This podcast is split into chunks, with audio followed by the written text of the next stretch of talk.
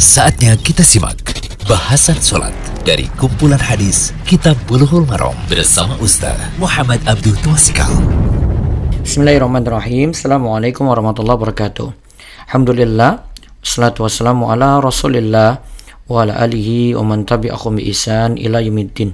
Allahumma anfa'na bima alamtana wa alimna ma yanfa'una wa zidna ilma.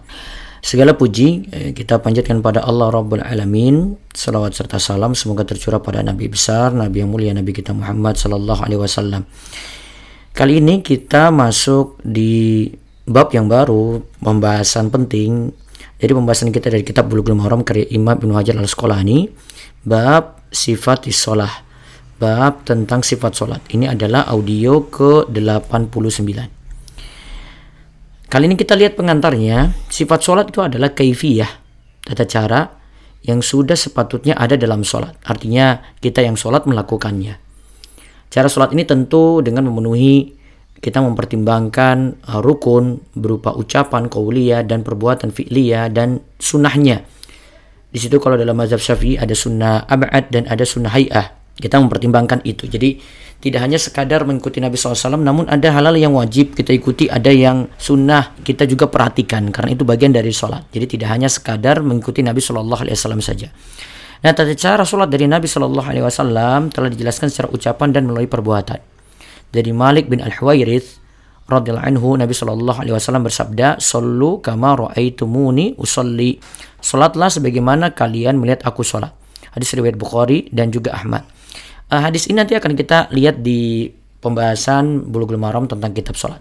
Nah, para sahabat itu sangat semangat mengikuti Nabi Shallallahu Alaihi Wasallam dalam tata cara sholatnya. Buktinya, mereka sering bertanya tentang segala hal terkait sholat hingga pembahasannya sampai pada umat, yaitu sampai pada kita kita. Yang perlu diperhatikan bahwa tata cara sholat secara sempurna tidak dijelaskan oleh satu orang sahabat saja. Dalil tata cara sholat sempurna diterangkan dengan pengumpulan berbagai hadis bagaimana akan dijelaskan insya Allah. Jadi kita kumpulkan banyak hadis. Jadi bukan hanya satu hadis, misalnya dari Abu Humaid As-Sa'idi, bukan itu saja, namun dari hadis-hadis yang lainnya juga. Nah kita sebagai mukallaf, yaitu yang dibebani syariat, hendaklah mengikuti tata cara sholat Nabi Shallallahu Alaihi Wasallam. Mengikutinya di sini uh, menunjukkan satu kuatnya keimanan terhadap beliau. Jadi kuatnya keimanan kita kepada Nabi Shallallahu Alaihi Wasallam.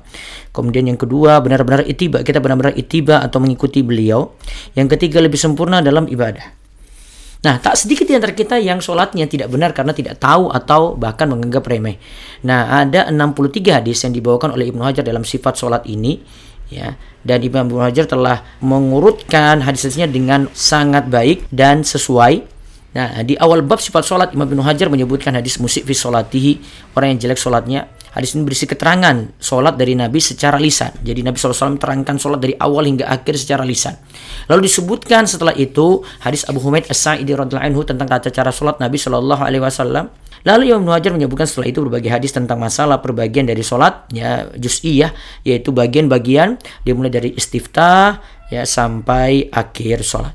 Dan nanti kami memakai rujukan Minha al-Alam selama pembahasan 63 hadis ini dan juga yang lebih penting lagi kami memakai rujukan madhab syafi'i dalam gerakan-gerakan sholat yang ada dengan pertarjihan yang kami anggap lebih kuat. Ya demikian, semoga jadi ilmu yang bermanfaat. Allah ibarik. Demikian bahasan sholat dari kumpulan hadis Kitab Bulughul Maram bersama Ustaz Muhammad Abdul Tuasikal.